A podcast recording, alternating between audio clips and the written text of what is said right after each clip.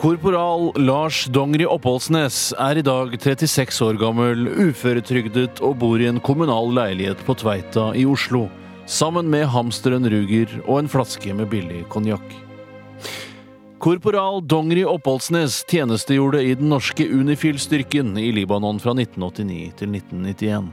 Det var eventyrlysten og spenningen som ledet Dongeri Oppholdsnes til FN-tjeneste. Men i dag sitter han igjen overvektig med tunge posttraumatiske lidelser. Vi hadde akkurat uh, kommet hjem fra tivoli i Beirut. Uh, det var idet jeg åpna døra til rommet mitt at det skjedde. Hva skjedde da? På veggen bak senga mi så hang pysjen min. Og Fredrik Hoff hadde da vaska den da jeg var borte, da. Hvorfor var det så dumt, da? For han hadde vaska den sammen med FN-bereten min, så pysjen min har blitt helt blå. Og bereten hadde krympa og var ikke større enn ei svele.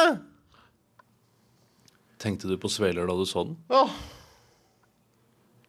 Hadde du lyst til å spise bereten din? åh, Med bringebærsyltetøy og seterømme? det stemmer. Spiste du den lille blå FN-bereten din med bringebærsyltetøy og seterømme? Nei, det gjorde jeg ikke. Eller jo, jeg gjorde vel det.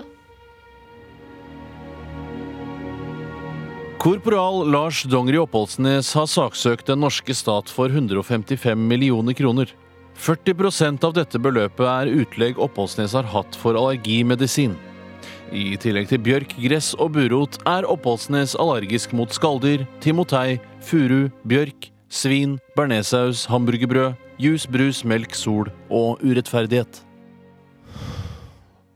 Av poststreik i Lebanon så fikk vi ikke post i tre uker sommeren 1990, var det vel?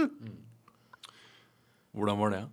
Nei, jeg fikk ikke tilsendt Donalds sommerkryssordmagasin før i begynnelsen av august, så